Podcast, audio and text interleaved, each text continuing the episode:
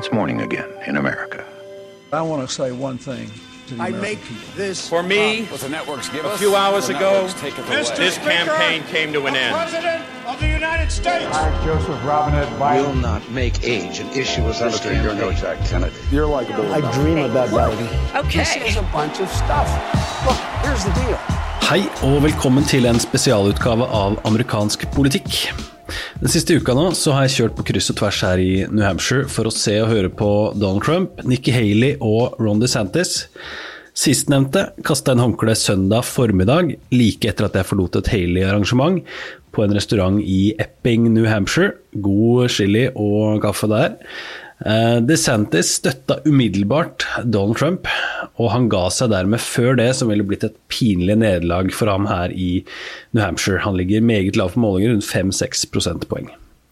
I New Hampshire-episoden av Valgkampsirkuset, som jeg håper du har hørt på nå, så snakker jeg med Fergus Cullen, en tidligere leder av det republikanske partiet her i delstaten, som også har skrevet en bok om tidligere primærvalg i New Hampshire. Torsdag kveld sto vi bakerst i lokalet i Rochester mens vi venta på Nikki Haley at hun skulle komme. Han har håpa på et sterkt Trump-alternativ, men var skuffa over det han har sett fra Haley i innspurten. Han mener hun er for forsiktig, og at det virker som om hun befinner seg i en slags boble i innspurten. Jeg har tenkt noe av det samme etter å ha deltatt på en haug ulike arrangementer med Haley den siste uka. Hun holder den samme eh, nokså forsiktige talen.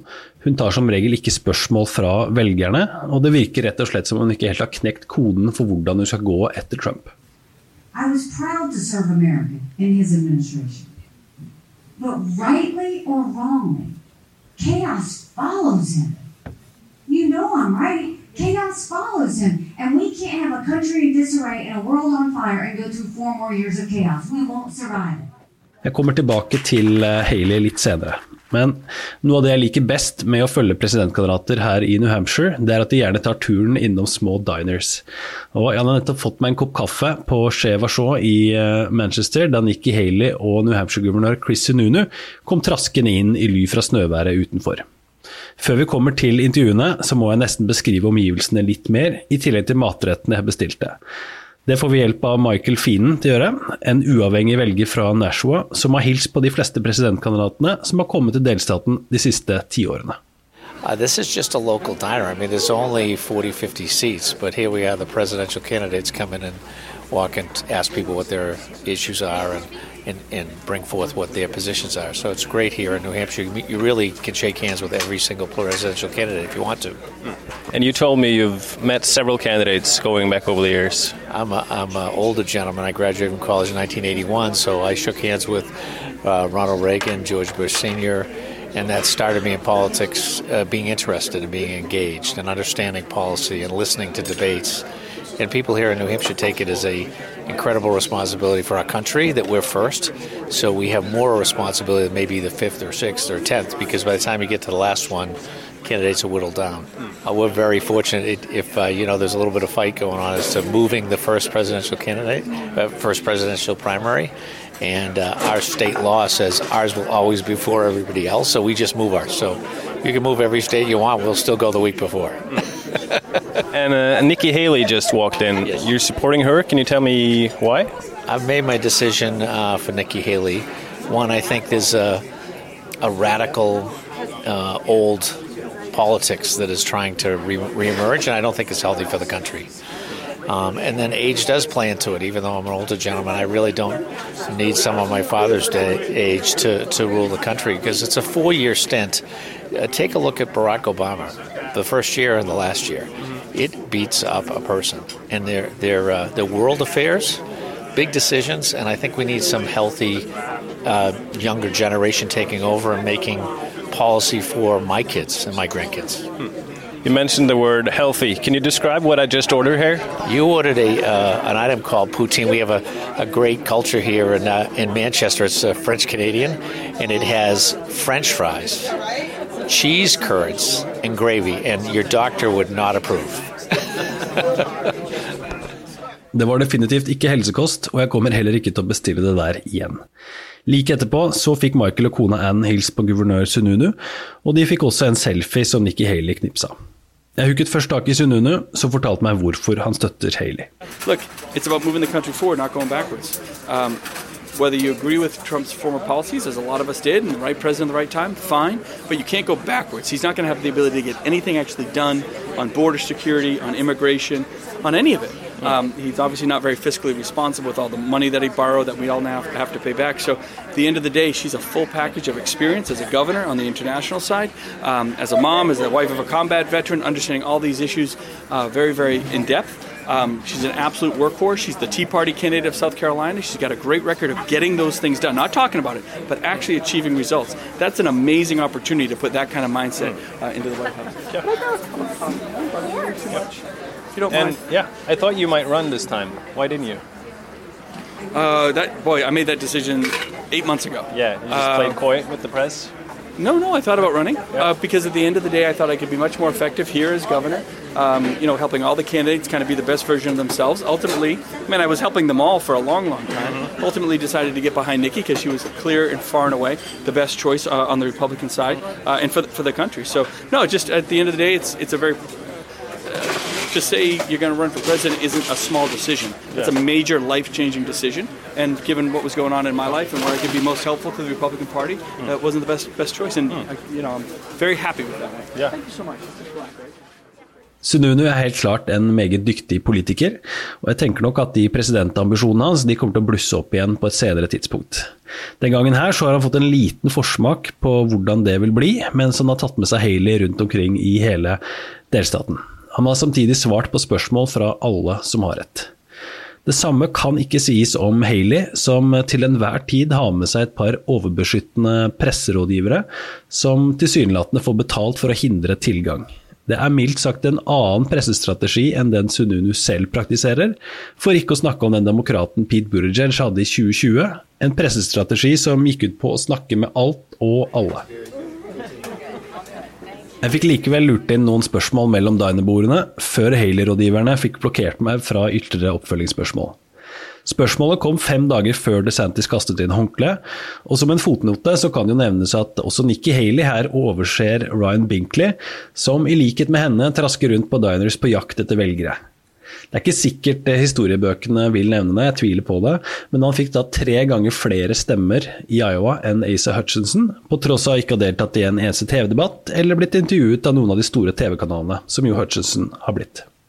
Uansett, her er Haley. Hi, Governor. So is it a two-person race now? I mean, look, yeah, that's what we said last night. It's definitely a two person race. We're ready. We're excited. Place, third place in Iowa, the third ticket, but I mean, I, look, we started with 2% when there were 14 candidates. You look at the standing in the polls in New Hampshire and South Carolina, it's a two person race. No question about it. Jeg snakket også med den politiske strategen Jim Merrill, som har jobbet for en haug republikanske presidentkandidater i New Hampshire. Jeg intervjuet ham til kommende episoder av Valgkampsirkuset, bl.a. om Marco Rubios katastrofale TV-debatt i New Hampshire i 2016. Rubio har nå støttet Trump, i likhet med DeSantis og de fleste andre, og Merrill snakker her litt om hvorfor Rubio gjorde det, og hva det sier oss om den pågående valgkampen.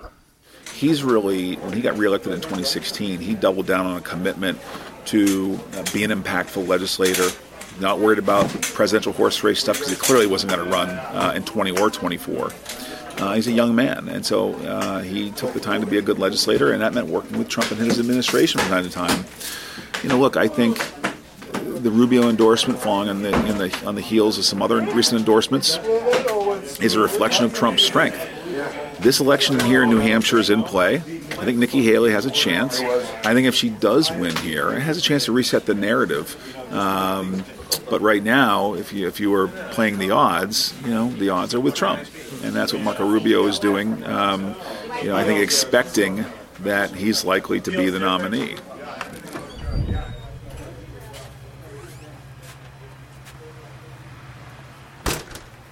Noen dager senere så tok jeg turen hjem til legenden Dave Carney, som har jobbet for guvernører, senatorer og presidenter. En skikkelig ringrev, eh, som nå bl.a. jobber for Texas-guvernør Greg Abbott. Lang brev fra presidenter på veggene på kontoret, i tillegg til masse valgkampmateriell fra 1980-tallet og fram til i dag. Det kommer mye mer fra Carney i kommende episoder av Valgkampsirkuset, det blir veldig bra, men jeg spurte ham også om det pågående primærvalget i New Hampshire. I likhet med Fergus Cullen så er han mildt sagt lite imponert over Nikki Haley og det kampanjen hennes har gjort de siste ukene. You know, first of all, they had run an excellent campaign in New Hampshire for the last two years until about three weeks ago. Yeah. Um, and I don't know what happened, but it, it, you know, they got all excited in Iowa. The poll in Des Moines, Ed Richard Poll had him in second place. You know, all the, you know, they got endorsements. They, you know, really felt good. They're getting crowds, but you know, the the tradition in New Hampshire is you go to someone's house, one of your people invites their friends and the media. I've been to many houses where there are more media than people. Um, but you know, you go to a town hall or a VFW hall or a restaurant, and you invite people to come, and you give your little spiel, and then you answer questions, and then you you know walk out and talk to all the reporters, you know, a little gaggle on the way out, and they stopped doing that, and uh, they stopped taking questions from the audience, so they talk, talk, and they go out and shake hands and answer people's questions one on one, which is not the same as answering in front of everybody, including the cameras. So that that was a little bit unsettling with people. And then they're talking about, you know, the surprise in Iowa. You know, I came in second. You know, you know, this two man race. Well, well, yeah, between you and DeSantis, well, he beat you in Iowa, but you know that was weird messaging. And then they're they don't really have a message right now. It's all sort of Biden and Trump suck, therefore pick me. And we beat Biden. I beat Biden using a poll that's three months old. So I just don't know what, what happened. And then, um, and then, you know, saying there were, the campaign was saying before Iowa, they're going to win New Hampshire. I think one person said, you know, if everyone votes, you're going to win the landslide. Well, that's, that's, that's not going to happen. And it just undercuts your credibility. And there's nothing going on in South Carolina. Trump's got that, you know, really locked up. And got, you know, she's not on the ballot in the caucus in Nevada, which is the two days before. And all of this is about delegates. I mean, no one ever talks about it. That's the whole deal. Trump's going to win New Hampshire. Iowa. He won Iowa. He won New Hampshire. Going to win uh, uh, Nevada, and then you go down to um, uh, South Carolina, and by all accounts, a lot can change in a couple weeks. But you know he's going to lock that up. And Tim Scott's, I think, a pretty good indication that uh, uh, it's going to be locked up. And so they're not going to win anywhere. But I think they're they got off of their what was her shtick, which was working really well. People love that, you know. And you get weird questions. Sometimes those are the weird questions you get on the TV. Some little kid asks you a question, or you know, someone asks you how to, you know, the media. You know, that's different than you're saying. You know, so whatever the normal questions are, you get to ask a different question, a different venue. You know, it gets you some mojo, and, and people like that. And I just think they they either thought they were going to win and they went on prevent defense, or they just got over their skis and realized that it's they've lost their narrative. Now they're the underdog, you know, trying to do as well as they can to, you know, maybe we can beat Trump in New Hampshire. Maybe, you know, that they've net, the never won one poll with a skewed record in New Hampshire politics. Sat him seven points down. It's 20, 20 points down every other poll. 16, 20. And that, you know, they, they just, I don't know, it was a mistake. Their, messaging is all, all over the place. En av grunnene til at Carney ikke har troa, har med andelen av uavhengige velgere hun har støtte fra foreløpig. We call them undeclared. They haven't declared for a party. There's 40% of all voters are undeclared. And they can pick up a primary ballot in the Democrat primary or Republican primary if they want, vote, and switch right back to unclear at the same location, the polling location. So you're not, you know, tainted with the party label. Some surveys have had 48% of their sample being these undeclared, uh, 45 at the minimum. So the pollsters in the last 10 days have accounted for that. The public polls I've seen have accounted for the surge in, in the undeclared voters, independents. And so it's unlikely on election day that she's going to have a big surprise because that's already baked into the cake. Interesting, Trump's getting a hunk of these people, like 15 in one poll, is 30, almost 27 or something in another poll. So if your whole hope is that all these undeclared voters come for you, well, you're not getting 100% of them. So that's not good. and now the Democrats have the more interesting primary. You got the right in with the president, and, and Dean, whatever skyte inn. Dean Phillips heter han, kongressmann fra Minnesota, noe Carney vet godt, men som han gjør et poeng av at han ikke husker navnet på for å understreke hvor ubetydelig han er. Phillips har bra med penger og stiller fordi ingen andre gjør det. Sorry, Marianne Williamson. Eh, Og hovedpoenget hans er at Biden er for gammel, og at han kommer til å tape mot Trump i november. Uansett. That was existence before this, but the, the progressives have started this write-in ceasefire to send a message to the president on Gaza. Now it started Wednesday, which is late, but it, Og her måtte Carney ta seg en ny snus. you got Trump's winning the Hampshire primary. Everyone said that. You're an undeclared voter, and you see there's some, you know, and you're something fun to do, like this. You know, you don't think what's going on in Gaza is terrible, and you go write in ceasefire instead of Joe Biden or Dean, whatever his name is. You know, you, it may attract some more of our of these undeclareds who like to go where there's the most action, and that may actually be the more exciting primary. It's kind of interesting. Vi får se hvordan det går. Jeg skal på Trump-arrangement mandag kveld, og så kommer vi selvsagt med en episode dagen etter valget. I mellomtida så håper jeg du setter av en knapp halvtime til New Hampshire-episoden av Valgkampsirkuset. Søk opp podkasten om du ikke abonnerer allerede. Vi har mye godt innhold på lur utover vinteren.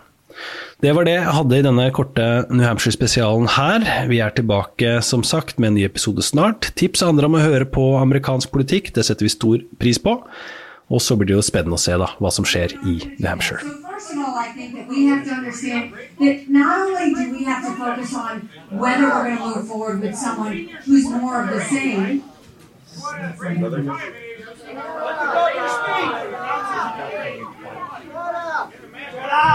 Right?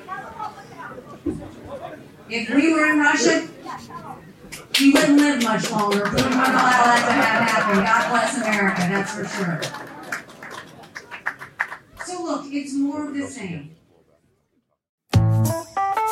Har du et enkeltpersonforetak eller en liten bedrift?